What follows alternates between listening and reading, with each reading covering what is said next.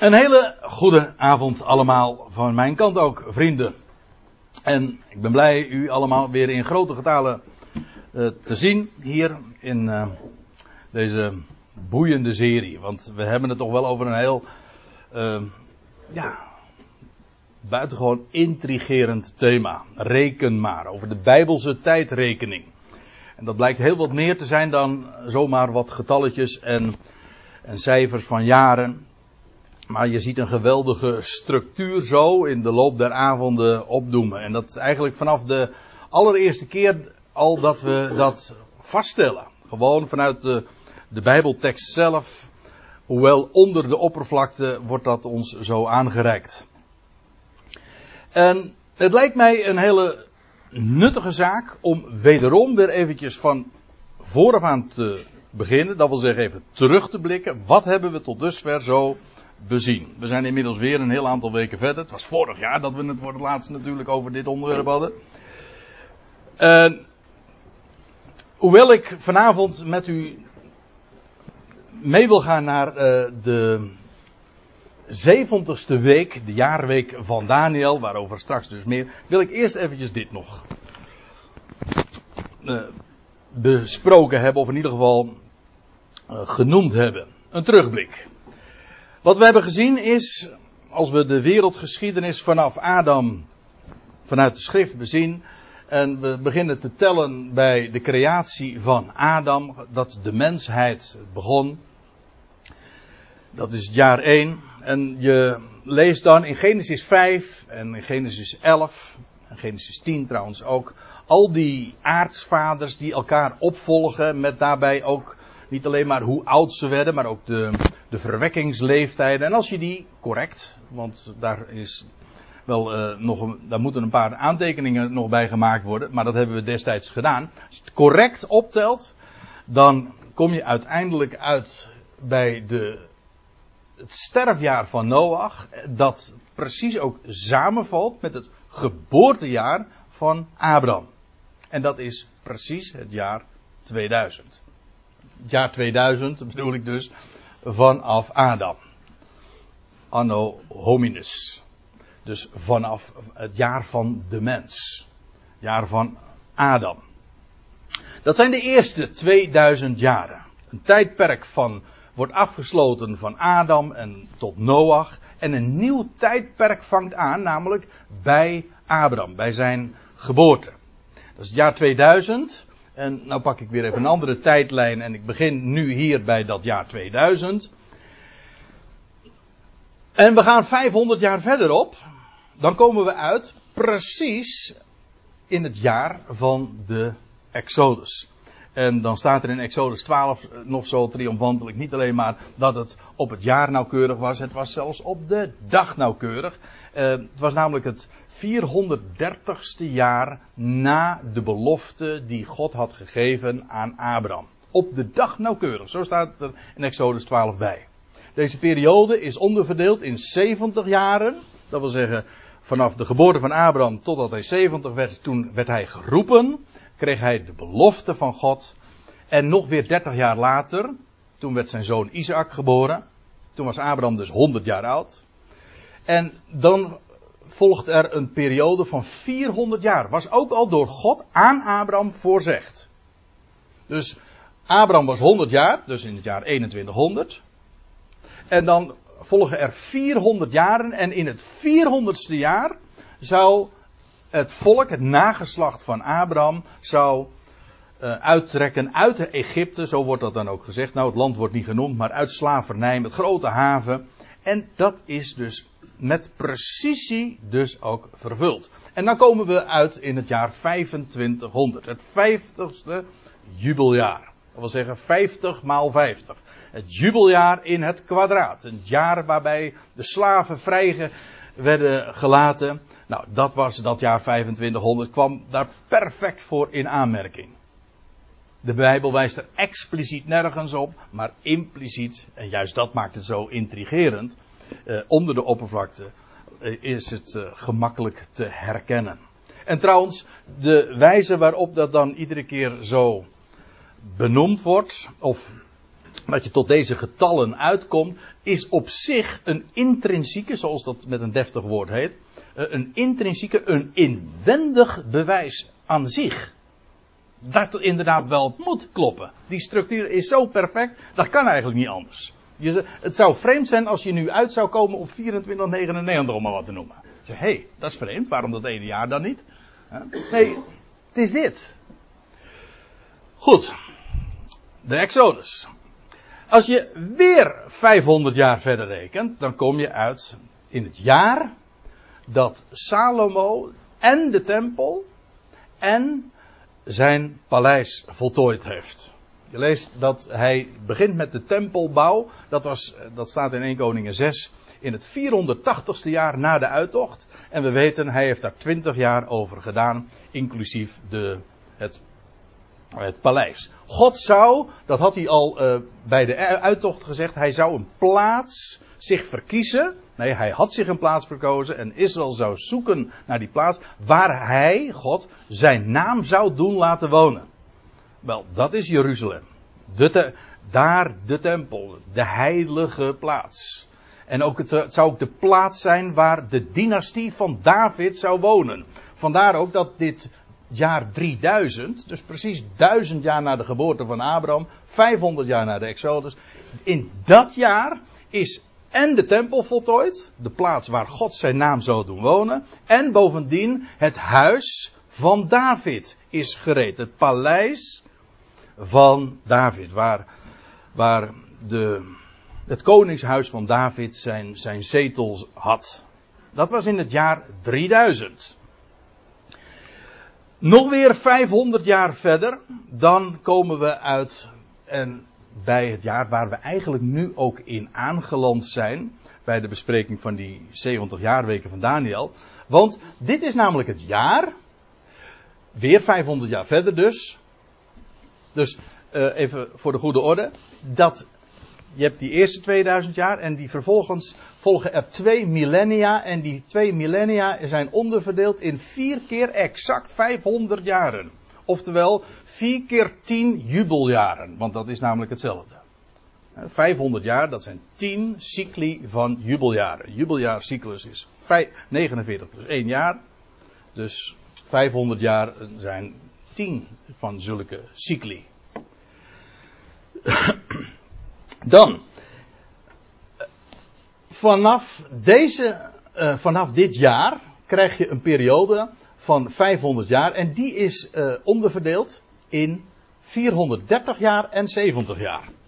Eigenaardig, want dit was onderverdeeld in 70 en 430 en dit is onderverdeeld in, uh, precies omgekeerd, spiegelbeeld zeg maar, symmetrisch dus, 430 jaren namelijk van uh, koningen uit het huis van David die regeerden, tot de laatste koning in het 430ste jaar. En dan wordt uh, er een einde gemaakt aan die tempel die hier werd ingewijd.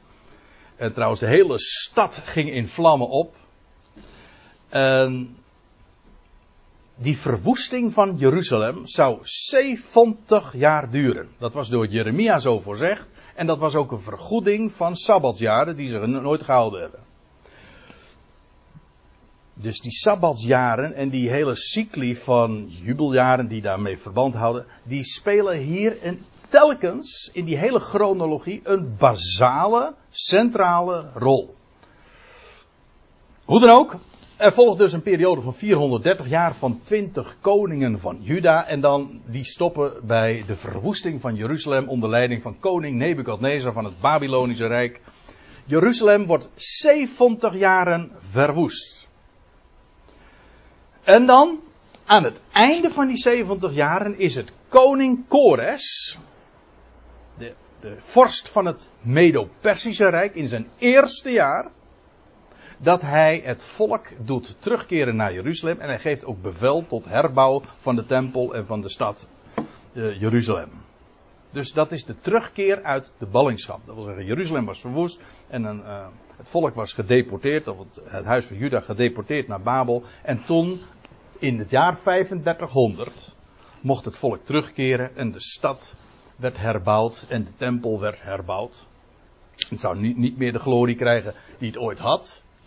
Maar dat is uh, wat er gebeurde in dat jaar 3500. Nou, dit is zo eventjes in heel kort weg wat we tot dusver hebben gezien.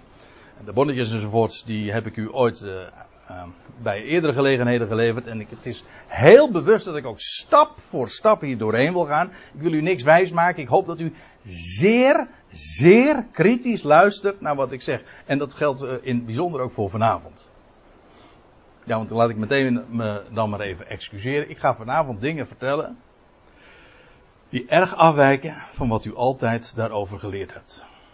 En, ik moet het nog sterker zeggen, uh, nou ga ik met de hand in eigen boezem. Ik ga u vanavond dingen vertellen die erg afwijken van wat ik zelf over niet alleen geleerd heb, maar ook heb onderwezen. Ik heb in 2005, ik heb het juist vanmiddag nog even nagekeken, heb ik een bijbelstudiedag in Rijnsburg gehouden over het onderwerp van de 70 jaarweken. Toen worstelde ik al met een aantal dingen. En ik had gewoon nog een aantal vragen, die heb ik toen ook wel gesteld. Maar ik was er niet uit. Maar wat ik toen over vertelde, dat moet ik bij deze, tenminste voor een deel, herroepen. Ja. Dus als u zegt van nou, ik wil, uh, ik wil zulke dingen niet horen, ik wil alleen maar bevestigd worden in dat wat ik toch al wist. Ja, dan kunt u nu deze zaal verlaten. Oh, zit op slot. Dat heb ik niet gedaan. ja. Uh, ik zeg het is voortschrijdend inzicht. En of het voortschrijdend inzicht is, dat is aan u of aan jou om te beoordelen. Dus ik zeg, wees kritisch. Ja. Wat we ook gezien hebben is, uh, dat was de vorige keer, uh, trouwens die keer daarvoor ook al, dat, uh, ja, dat prachtige verhaal van Kores, die, wiens naam al honderden jaren door Jezaja tevoren was voorzegd. Bij name was die genoemd. Dat als Israël ooit zou terugkeren en de stad zou worden herbouwd en de tempel zou worden herbouwd, dan zou dat, pardon, dan zou dat gebeuren door ene Kores. En die heeft ja, die heeft dat vernomen aan, de, aan, zijn, aan zijn hof, dat hij voorzegd was. En, uh, en zelfs dat ook die periode 70 jaren zou duren. Hij wist meteen in, in het jaar dat hij te horen kreeg van wat hem te doen stond. Dat is echt zo geweldig. Goed, dat heb ik u toen ook verteld. Maar waar het nu even om gaat, is dat Daniel bij die gelegenheid, dus in dit jaar, in dit jaar 3500, dat hij te horen kreeg van God wat er de komende 500 jaren zou gebeuren. Dus wat we tot dusver hebben gezien, dat is geschiedkundig. Dat wil zeggen, het, het verhaal van dat, datgene wat er uh, inmiddels gepasseerd was. Dingen die historisch inmiddels uh, waren. Nou ja, we, hebben, we zijn er natuurlijk ook wel op gestuurd dat God periodes voorzegd heeft. Bijvoorbeeld, zoals gezegd, die, die 400 jaren dat Israël in Egypte verdrukt zou worden, et cetera. Dat was voorzegd. Die 70 jaren van de ballingschap en van de verwoesting van Jeruzalem was exact voorzegd. Maar over het algemeen is dit een, een historische relatie. Het, het, gaat over dingen die inmiddels een beslag hadden gekregen, hadden plaatsgevonden. En de termijnen worden benoemd zoals dat inmiddels dus uh, passé was. Nou, nu krijgt Daniel van Gods wegen te horen. En dat is, dat is God, hè? God voorspelt niet, hij voorzegt. Hij zegt wat er gaat gebeuren in de komende jaren. In de, in, en dan wordt er gesproken over 70 jaarweken. Nou, laat ik uh, nog eventjes een paar dingen op een rijtje zetten. Die profetie van 70 jaarweken, die beginnen te rekenen vanaf de herbouw van Jeruzalem. Dat hebben we gezien. Ik ga dat nu verder niet meer aantonen. Dat hebben we, dat hebben we in de voorgaande avond gezien. Waarbij we even moeten rekenen. Zeven jaarweken. Hoezo jaarweken? Nou, een Hebreeër kent dat begrip gewoon, omdat het direct ontleend is aan de Torah van Mozes. Zeven jaarweken, dat zijn namelijk gewoon, dat zijn zeven cycli van sabbatsjaren. Elk zevende jaar was een sabbatsjaar, werd, het, werd er niet geoogst, werd er niet gezaaid, het land lag gewoon braak. Zeven jaar. En dan volgde weer een nieuwe cyclus. Weer zes jaren. Van arbeiden en, en, oogsten van het land. En het weer, het veertiende jaar dus, werd er weer niet geoogst. Het land lag weer braak. Een sabbatsjaar. Nou, en dat ging zeven keer zo door. En dan bij het zevende sabbatsjaar, dat was dus het 49ste jaar, lag het weer braak. Werd niet geoogst, niet gezaaid. Dan volgde een speciaal ingelast vijftigste jaar, dat is een jubeljaar. Dat was, daar werden de slaven, zoals zojuist al even gememoreerd, vrijgelaten. Nog veel meer, alle uh, bezittingen gingen weer terug naar de oorspronkelijke eigenaar. Afijn, dat was het vijftigste jaar. Maar dat betekent dus dat een ziek, zeven jaarweken, dat komt overeen met zeven sabbatsjaren, plus het bijbehorende jubeljaar. En dat is dus, dat is dus vijftig jaar. Dat betekent dus dat als zeven sabbatsjaren, of zeven jaarweken, vijftig jaar is, dat betekent dus dat 70 jaarweken, dat is tien keer zoveel, dus dat is tien keer vijftig jaar. Dus dat is 500 jaar. Dit is nog, uh, nog geen hogere wiskunde, toch hè? Nou. Als de 70 jaarweken in, begonnen in 3500 Zoals ik zojuist in die lijn liet zien. Waar zouden deze dan eindigen?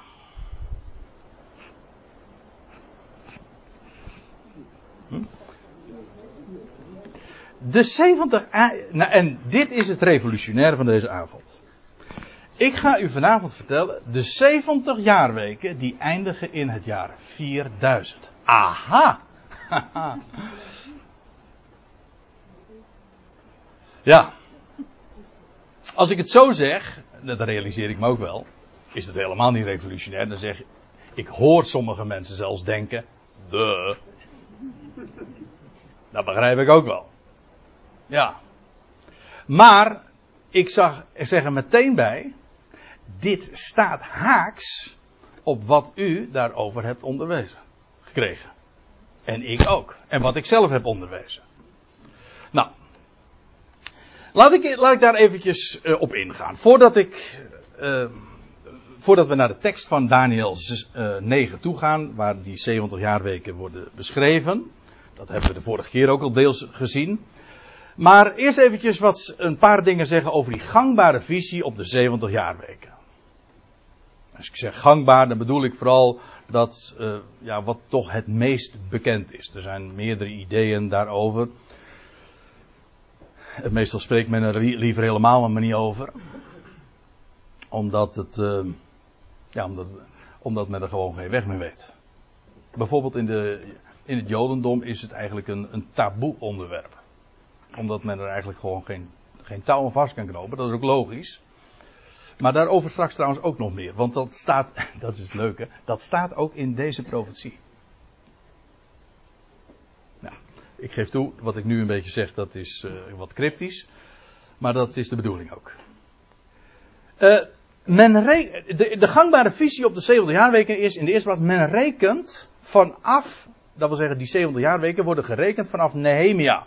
Dat is wat men doorgaans doet, in plaats van af Kores. Kores. Maar, dan zeg ik, Kores zou Jeruzalem herbouwen. We hebben het gelezen in Jesaja 44.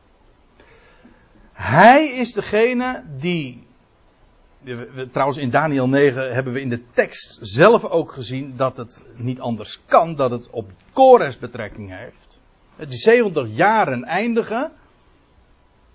En dat is precies het eindjaar, het eindmoment van die 70 jaren verwoesting van Jeruzalem, is meteen ook het beginpunt van die 70 jaarweken. Voor weer een nieuwe periode van 500 jaar. Kores zou Jeruzalem herbouwen. Wat Nehemia deed, waar meestal, men meestal begint te rekenen, die begon niet de bouw van Jeruzalem, maar die hervatte de bouw van Jeruzalem. Want dat, die hele bouw, herbouw van Jeruzalem had heel veel voeten in de aarde. En het werd ook iedere keer onderbroken en ondermijnd door de omliggende volkeren, de Samaritanen. En er kwamen er weer gaten in de muur enzovoort. En dan is het Nehemia die uiteindelijk de, de, de, de, de herbouw van de stad, maar meer speciaal van de muren, hervat en ook voltooid. Er komt trouwens nog iets bij. Het jaartal waarin Nehemia begint. Weet u hoe men daaraan komt? In de gangbare chronologie. Echt waar, dat is, ja, dat is gewoon een feit wat ik nu zeg. Dat ontneemt men niet aan de schrift. Kijk, en dat is nou, dat is ook weer.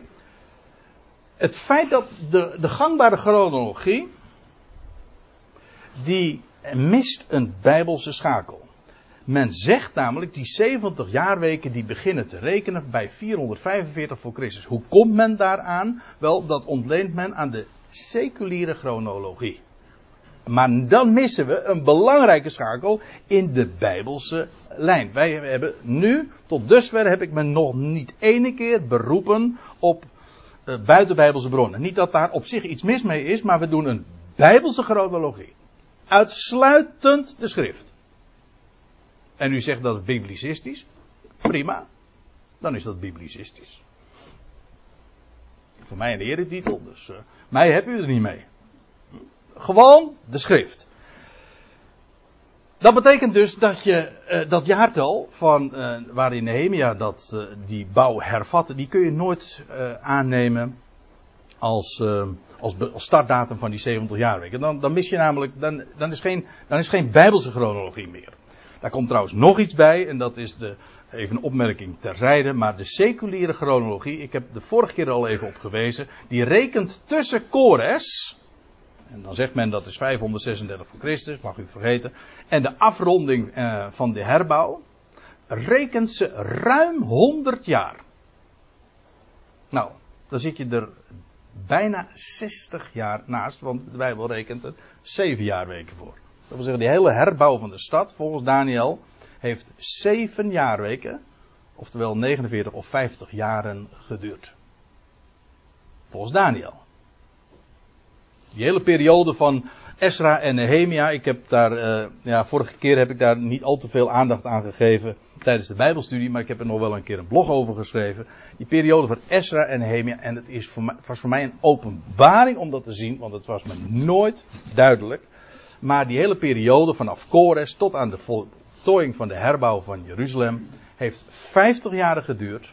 En degene die aan het begin de her, bij Kores terugkeerden naar Jeruzalem, daar waren er nog velen die aan het einde, toen Nehemia klaar was met zijn klus, uh, die, daar, die daarin ook nog getuigen waren.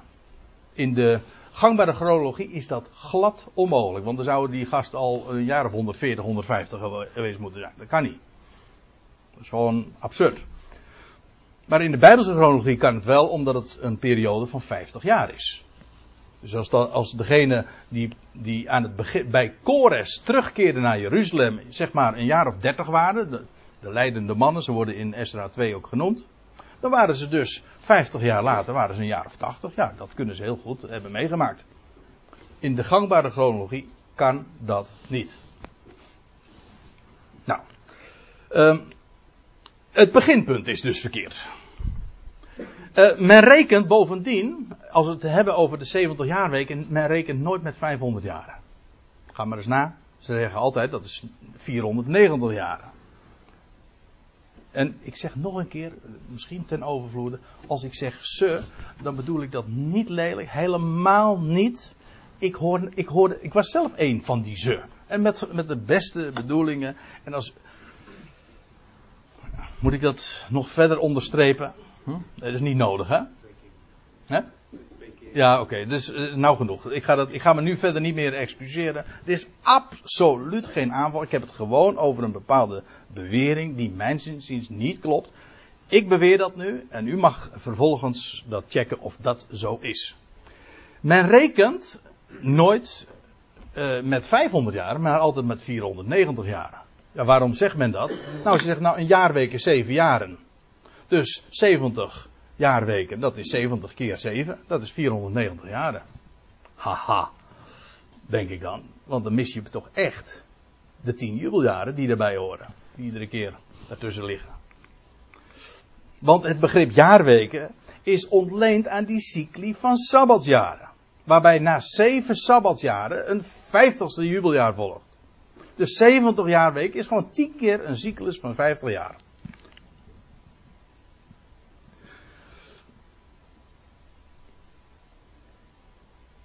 Ja, uh, dan heb ik nog eentje. Want men sleutelt nog een keer, uh, keer uh, abusievelijk aan die termijn. Want men gaat uit van 490 jaren.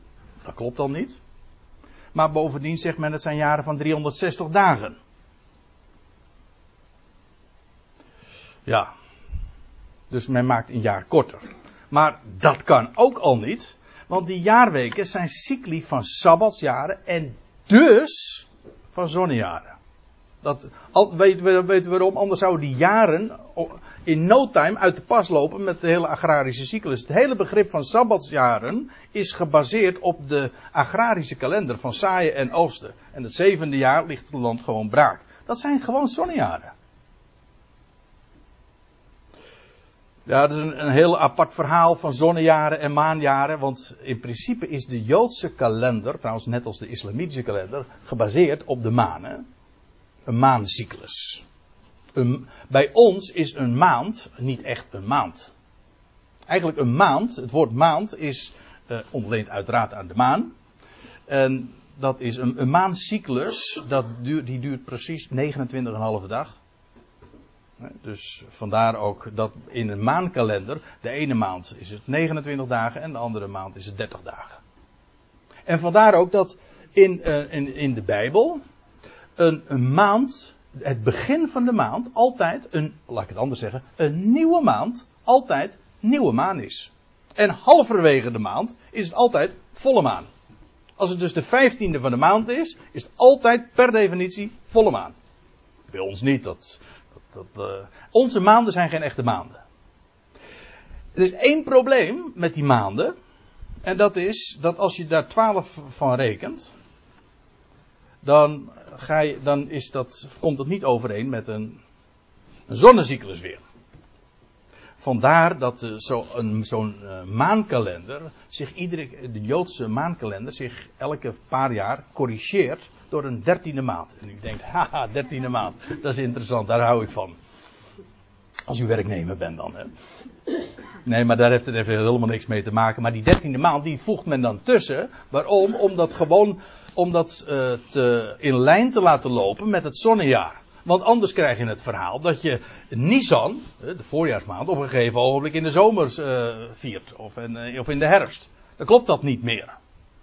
Dus het moet in lijn blijven lopen met, die, met dat zonnejaar. Een heel ander verhaal is of dat, waarom dat, die, die, die twee niet meer synchroon lopen, die maankalender en die zonnekalender.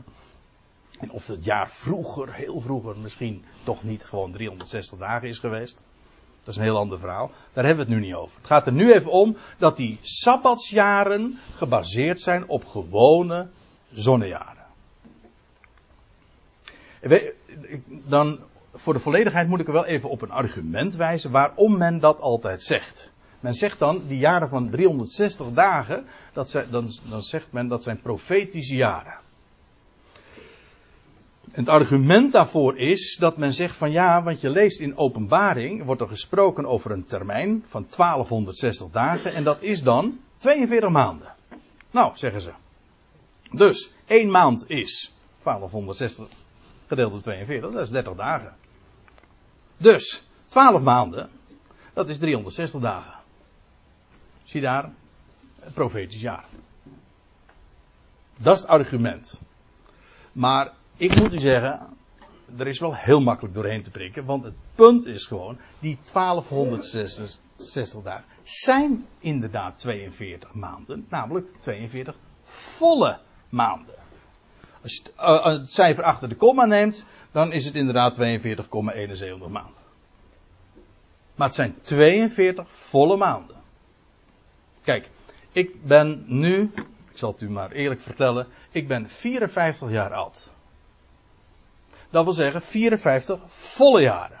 Over een maand of anderhalve maand, dan hoop ik uh, 55 jaar te worden. Dus ik ben eigenlijk 54, nog wat, hè, 8 uh, jaar oud.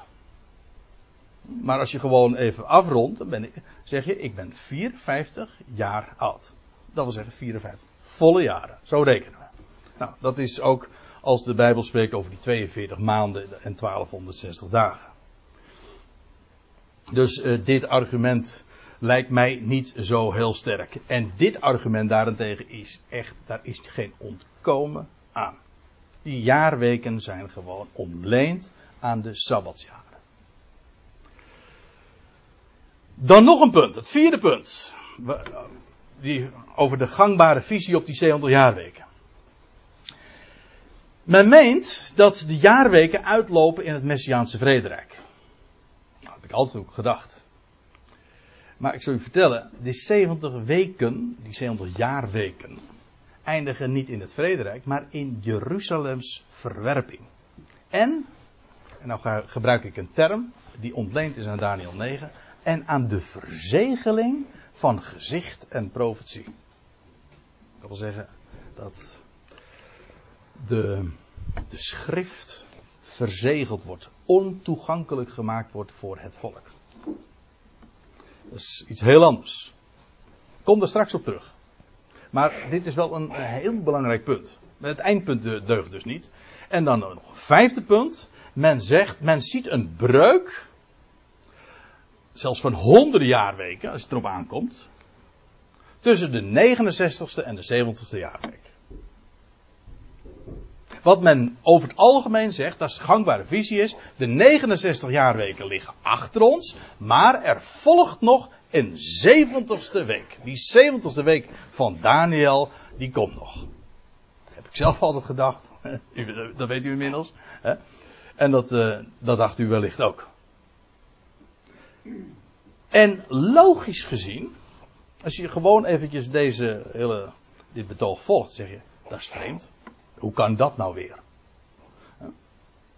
Een onderbreking in die termijn.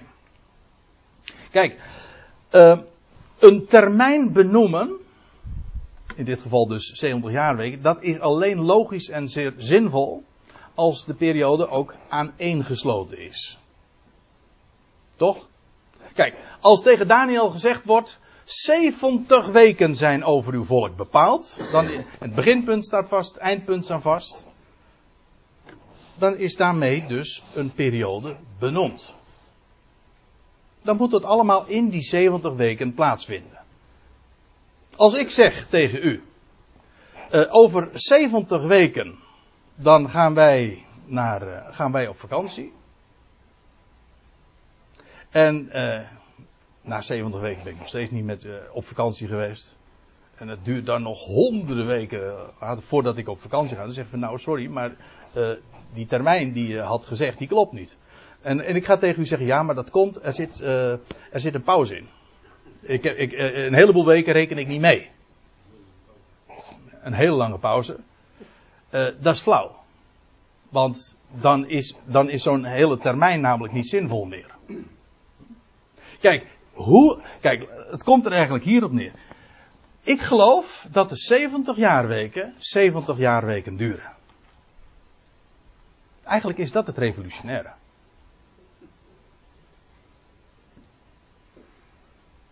Hoe lang duurde de 80-jarige oorlog? ja. Ja, 80 jaar. Hoe lang duurde een 12-jarig vredesbestand? Ik denk 12 jaar. Hoe lang duren de 70 jaarweken? 70 jaarweken. Wat men altijd zegt, eigenlijk over die 70 jaarweken, die 69 jaarweken zijn aaneengesloten. Nou ja, het beginpunt en de termijn enzovoort, daar even men aan gesleuteld. Maar goed, even dat terzijde gelaten. Maar men zegt die 70ste jaar, ja, dat gaat nog komen. Maar dat betekent dus dat die 70. In werkelijkheid heeft die, die breuk, die onderbreking, die pauze die men erin last. Dat is een veelvoud van die 700 jaarweken. In werkelijkheid heeft men er nog 205, 280 jaarweken aan toegevoegd. Die tussen die 69 en die 700 weken in liggen. Dat kan niet, hè? Dat is niet logisch. De schrift zegt 70 weken. En dan moeten wij dus niet daar 350 weken van maken. En daar komt nog iets bij. Uh, ik heb er de vorige keer geloof ik al even op gewezen. Bij deze doe ik het dan nog een keer, omdat het uh, in deze argumentatie van belang is. Die 70 jaarweken, die vormt een eenheid.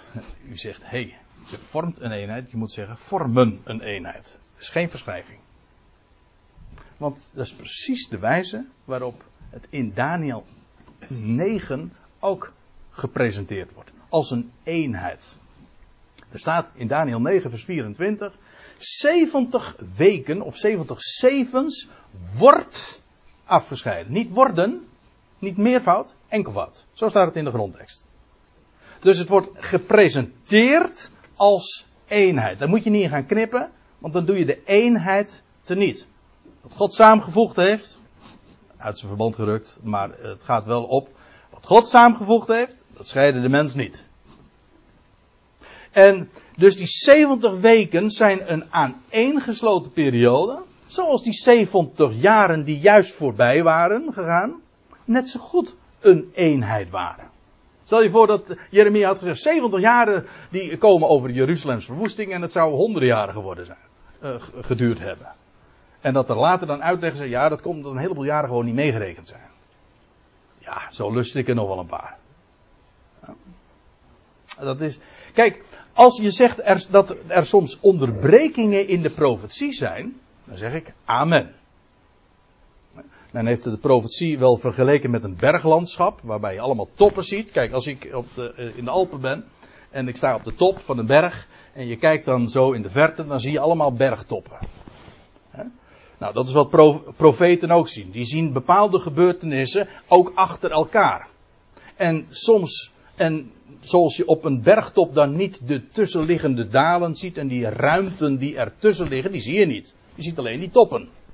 Wel, zo kijken de profeten soms ook naar, naar toppen, naar gebeurtenissen die achter elkaar liggen, zonder dat ze oog hebben voor en zicht hebben op de ruimten, de tijdsruimte in dit geval, die daartussen liggen. Dat kan heel goed. Maar dit is wat anders. Hier wordt een termijn voorzegd.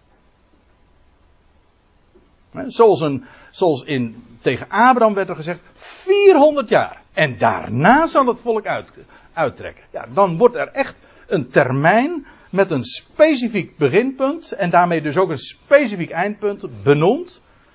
Ja, daar kun je niet aan sleutelen. Daar kun je niet gaan zeggen, daar kun je niet verlengen. Nee, God heeft het zo gezegd. 70 weken, dus dat zijn 70 weken. Nou, dat is dus even wat die gangbare visie, uh, de gangbare visie die ik nu zo even op de korrel nam. Even samengevat, men rekent vanaf een verkeerd beginpunt. Men rekent met een verkeerd de termijn. Men rekent 490, dat is al niet juist. Maal 360 dagen, en dat is ook al niet juist. Men rekent met een verkeerd eindpunt. Men denkt dat men moet uitkomen in het vrederijk. Dat is ook niet waar. Ik kom daar straks nog op terug. En men breekt een termijn die als eenheid wordt gepresenteerd. Mag ook niet. Men scheidt dat wat samengevoegd is. Wat een eenheid is. Ja, dat is mijn. Uh, dat is dus de kritiek die ik op de gangbare visie heb. Nou, laten we dan maar eens uh, naar, nu naar de tekst van Daniel 9 toe gaan. Ja. En voor een deel zal ik uh, nog wat uh, dingen ook benoemen die ik al in de voorgaande studie, toen we het ook al over deze, hetzelfde onderwerp, over dezelfde passage hadden. Voor een deel zal ik dezelfde, nog wel een paar dingen daarvan aanstippen die dus al benoemd zijn. Eerst even dit nog. 70 weken. Nou, we weten waar het dan over gaat. Dat zijn 70 cycli van Sabbatsjaren. 500 jaren die begonnen in 3500 en dus eindigen in, ja, in 4000 dus. In het jaar 4000.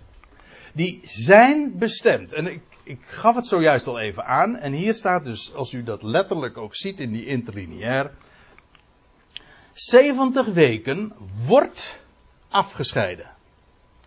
Zo staat het. En ik benadruk nu eventjes dat woordje, dat enkelvoud. Het wordt afgescheiden. Dus die 70 weken vormen een, of vormt een eenheid. En dat afgescheiden dat wil zeggen, het is afgegrensd, afgebakend. Hier begint het, daar eindigt het. Zoals die 70 jaren ook afgeschermd, afgescheiden, afgebakend waren. Nou, 70 weken, 70 sabbatsjaren cycli, zijn, uh, wordt afgescheiden, afgegrensd, afgebakend over uw volk en over uw heilige stad, wordt tegen Daniel gezegd. Uw volk. Het volk van de Joden. Het volk van Israël, zo u wilt. En uw heilige stad, Jeruzalem. Daarover gaat deze profetie. En let op. En ik heb er even getalletjes bij gezet. Om aan te geven wat hier dan allemaal benoemd wordt. Want die 70 weken. Dat is een, een periode die nu gaat volgen. En vanaf wanneer er dan gerekend gaat worden, daar had ik het al even over. En ik zal het straks ook nog even laten zien. Ter herinnering. Maar hier wordt gezegd wat het, waar het uiteindelijk toe leidt. Waar die 70 weken, die voor het volk van Israël en de heilige stad Jeruzalem eh, wordt afgescheiden. Wel, die zijn om de overtreding te sluiten.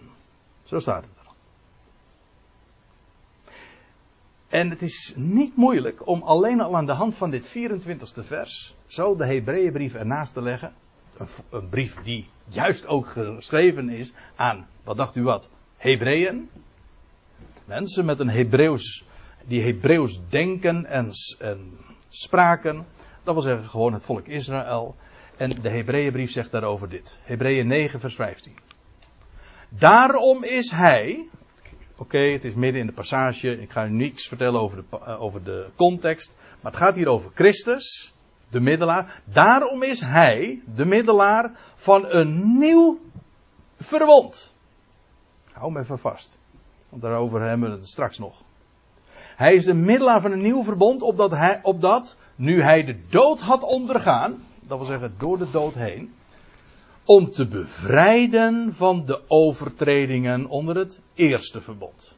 Kijk, hier heb je precies waar Daniel 9, vers 24 over spreekt. Over de afsluiting, of de toesluiting van de overtreding. En hier in Hebreeën 9 vinden we het commentaar over, over hem die de middelaar is van een nieuw verbond. En wat hij stierf, waarom? Om te bevrijden, oftewel ook daarmee toe te sluiten van een einde te maken aan de overtreding. In principe is daar in zijn dood, door zijn dood heen, dat wil zeggen kruis en opstanding, die twee, is daar een einde aan gekomen. Dat toegesloten. Ik ga even door. Want er worden een vijftal, nee, een zestal dingen genoemd.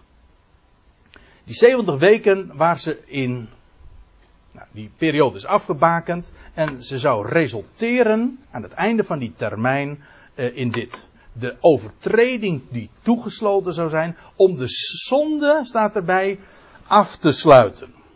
Of, zoals er letterlijk staat, tot beëindiging van zonden. Waar denkt u dan aan? Nou, ik ga weer even naar Hebreeën 9, vers 26. Daar wordt gesproken dat hij door zijn offer de zonde wegdoen. Om, nou, of beter, om door zijn offer de zonde weg te doen. We praten hier dus over Christus, die de overtreding zou toesluiten door zijn dood heen. En hier wordt gesproken over zijn offer, wat trouwens eigenlijk ook niet alleen maar zijn dood is, maar vooral ook zijn opstanding. Dat is een onderwerp apart trouwens. Een offer is niet alleen maar dat een dier geslacht wordt. Een offer is dat nadat dat dier geslacht is, dat dat opsteeg, goden tot een liefelijke reuk. Na de slachting dus. Die slachting spreekt van zijn sterven. En dat wat erop volgde, dat die opsteeg, goden tot een liefelijke reuk, zoals dat altijd genoemd wordt, dat spreekt van zijn opstanding. Wel, dat is dat offer. En door zijn offer doet hij de zonde weg sluit hij, sluit hij dat hoofdstuk af. eigenlijk, er worden hier diverse uh, begrippen gebruikt, maar feitelijk zijn ze uh, synoniem ook aan elkaar. Dus dat mocht, als, mocht je de ene zin zeg maar uh, ontgaan of de betekenis ervan niet helemaal vatten, dan, dan wordt dat opgevangen weer door de andere zin, waarin met andere woorden feitelijk op dezelfde essentie gewezen wordt. De overtreding te sluiten, zonde af te sluiten en, dat is het derde, om de ongerechtigheid, of de verdorvenheid staat er eigenlijk, te verzoenen. Nou ja, eigenlijk te beschutten. Het woordje kippur, dat is, dat is niet verzoenen. Dat is, heel, dat is een heel lastig woord in het Nederlands. Verzoenen. Want wij, wij denken bij verzoenen. Zoals als, als je in de krant leest over verzoenen. Dan gaat het over twee partijen die vijandig zijn tegenover elkaar. Of vreemd zijn van elkaar. Dat die weer on speaking terms komen. Hè. Dan, worden, dan worden ze met elkaar verzoend. Twee partijen in het huwelijk die hebben. Uh, dat is een conflict. En die worden weer met elkaar verzoend. Maar dit woord verzoen is iets heel anders. Dan gaat het niet over twee vervreemden of vijandige partijen die verzoend worden, maar dan gaat het over ongerechtigheid verzoenen. Dat wil zeggen, die beschut wordt, bedekt wordt. Kippur. In het Nieuwe Testament komt dat woord ook voor. In Johannes 2, vers 2. En daar wordt gezegd, nou, waarover hebben we dan? Hij, gaat het over Jezus Christus. Hij is een verzoening voor onze zonde, zegt Johannes, hè? Johannes, die ook een apostel van de besnijdenis is. Later 2 vers 9 staat het er letterlijk zo. Johannes die zich richt tot de besnijdenis. En wat zegt hij? Hij, Jezus Christus, is een verzoening voor onze zonde. Ons, dat wil zeggen, de zonde van Israël. En dan zegt hij, Johannes denkt heel wijds. En niet alleen voor de onze. Maar ook voor de gehele wereld. Alsjeblieft. Ja. Nou moet ik uh, moeite doen om hier niet verder op in te gaan. Over de rijkwijde van dat werk. Want dat is, uh, dat is natuurlijk zo geweldig. Dat is zo geweldig. Maar ik moet me even bij mijn onderwerp bepalen en me daar ook echt toe specifiek uh, toe beperken. Het gaat hier over de verdorvenheid, de ongerechtigheid die beschut wordt, ver, verzoend wordt. Dat is wat hij gedaan heeft. Een verzoening voor onze zonde. Het spreekt dus over het historische feit van zijn dood, van zijn offer, van zijn kruis, zijn opstanding. Dat werk, dat wat in het verleden heeft plaatsgevonden. En staat er nog iets bij, om eeuwige gerechtigheid aan te brengen. Dat is het vierde. Eigenlijk staat er om rechtvaardigheid van Ionen te brengen. Waar denkt u aan? Nou, ik, je zou eh, heel wat passages daarvoor kunnen aanhalen, maar laat ik me eventjes, uh, laat ik naar 2 Korinthe 3 gaan met u. 2 Korinthe 3 is mooi, want, want daar zet Paulus het oude verbond tegenover het nieuwe verbond. En dan zegt hij ook dat hij een bedienaar is van dat nieuwe verbond. Niet der letter, maar van de geest. En dan zegt hij daar ook over, uh, dan zet hij die, die twee ook tegenover elkaar. Eerst de bediening van het oude verbond, van die stenen tafelen. Van veroordeling en van dood. En dan zegt hij, veel meer is de bediening, namelijk van het nieuwe verbond, kijk het maar na in de context. Veel meer is de bediening die rechtvaardigheid brengt. Overvloedig in heerlijkheid. Kijk, dat is die bediening van het nieuwe verbond. Het nieuwe verbond, waar Christus de middelaar van is, nieuwe verbond dat ook gesloten zal worden met Israël en met Juda. Wel, dat is wat rechtvaardigheid brengt. Overvloedig. Voor de Ionen. Nu, voor de komende Ionen en trouwens onvergankelijk.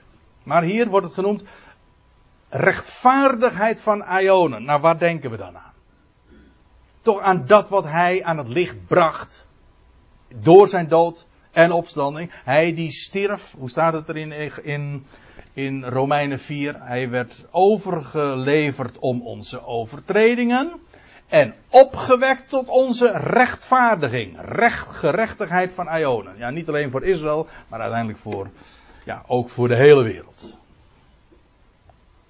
Nou, één ding moet duidelijk zijn. In Daniel 9 gaat het speciaal over Israël en de heilige stad natuurlijk. Maar dat is wat hij deed. En dan staat er nog iets bij. Namelijk om. Nog steeds wordt hier gesproken over die 70 weken, wat, waar dat toe zal leiden. Wat dat met zich mee zal brengen. En dan als vijfde wordt er gezegd, en die is erg miskend. Daar wordt zomaar overheen gelezen. Totdat mij eenmaal duidelijk was dat dit gaat, die 70 weken gaan over een periode die inmiddels achter ons ligt. Toen werd dit mij ook in ene keer duidelijk. Er staat als vijfde, om gezicht en profeet te verzegelen. Er staat in Daniel 12, eh, als u een MBG-vertaling hebt, dan staat er te bezegelen. Maar er staat, staat niet bezegelen, want dan zou je kunnen denken aan iets wat bevestigd wordt. Maar er staat wordt hier gesproken over gezicht en profetie. Die Kijk, er staat hier. Tot verzegeling van profeet of profetie en visioen. Of visioen en profeet. Ziet u? Maar nu komt de grote vraag. Waarover gaat dat? Nou, dat woord verzegelen, dat komt nog twee keer voor in Daniel. En wel in Daniel 12, vers 4 en in vers 9. En moeten eens lezen wat er dan, waar het dan over gaat. Maar gij, er wordt er dan aan het slot van het boek Daniel gezegd. Maar gij, Daniel, houdt de woorden verborgen. Verzegel het boek, boek Daniel, tot de eindtijd. En dan zegt hij, velen zullen onderzoek doen. Dat was wanneer dan? Nou, in die eindtijd. En de kennis zal vermeerderen. Gaat hier ook weer speciaal over zijn volk natuurlijk. Maar even dit. Er wordt gesproken over het verzegelen van het boek. En wat betekent dat? Wel, dat is dat die woorden verborgen gehouden worden. Men kan er niet bij. Men begrijpt het niet. Het is ontoegankelijk. Die 70 weken, die leiden tot verzoening en tot een eeuwige gerechtigheid, de afsluiting van zonde, etc. Maar ook iets anders. Namelijk dat gezicht en profetie verzegeld worden. Voor uw volken en de heilige stad. Ik neem u nu naar een ander eh, passage mee en dat is Jezaja 8. Je zou eigenlijk het hele gedeelte, ook de voorgaande versen nog even moeten lezen. doen we nu niet. Uh, ja, ik ga naar Jezaja 8 wil ik u nog eventjes voor de pauze in ieder geval uh, mee naartoe nemen. Daar staat dit. En dat is ook weer een profetie over de Messias die zou komen. En dat onder het volk men over hem, eh, dat het volk over hem zou struikelen. Dat staat in het 14e vers, als ik me niet vergis, het 13e vers. Kijk het even na. Ik kan het u zeer aanbevelen om het hele verband er even bij te nemen, want dan wordt het nog veel duidelijker. Ik doe het om de tijd willen nu even niet, maar er staat, en velen onder hen, over het volk, zullen struikelen, ze zullen vallen, ze zullen verpletterd, gestrikt en gevangen worden. Weet u wat dat betekent? Dit gaat over wat er gebeurd is, ook in. Uh, men is gestruikeld over de steen, de rots der ergernis.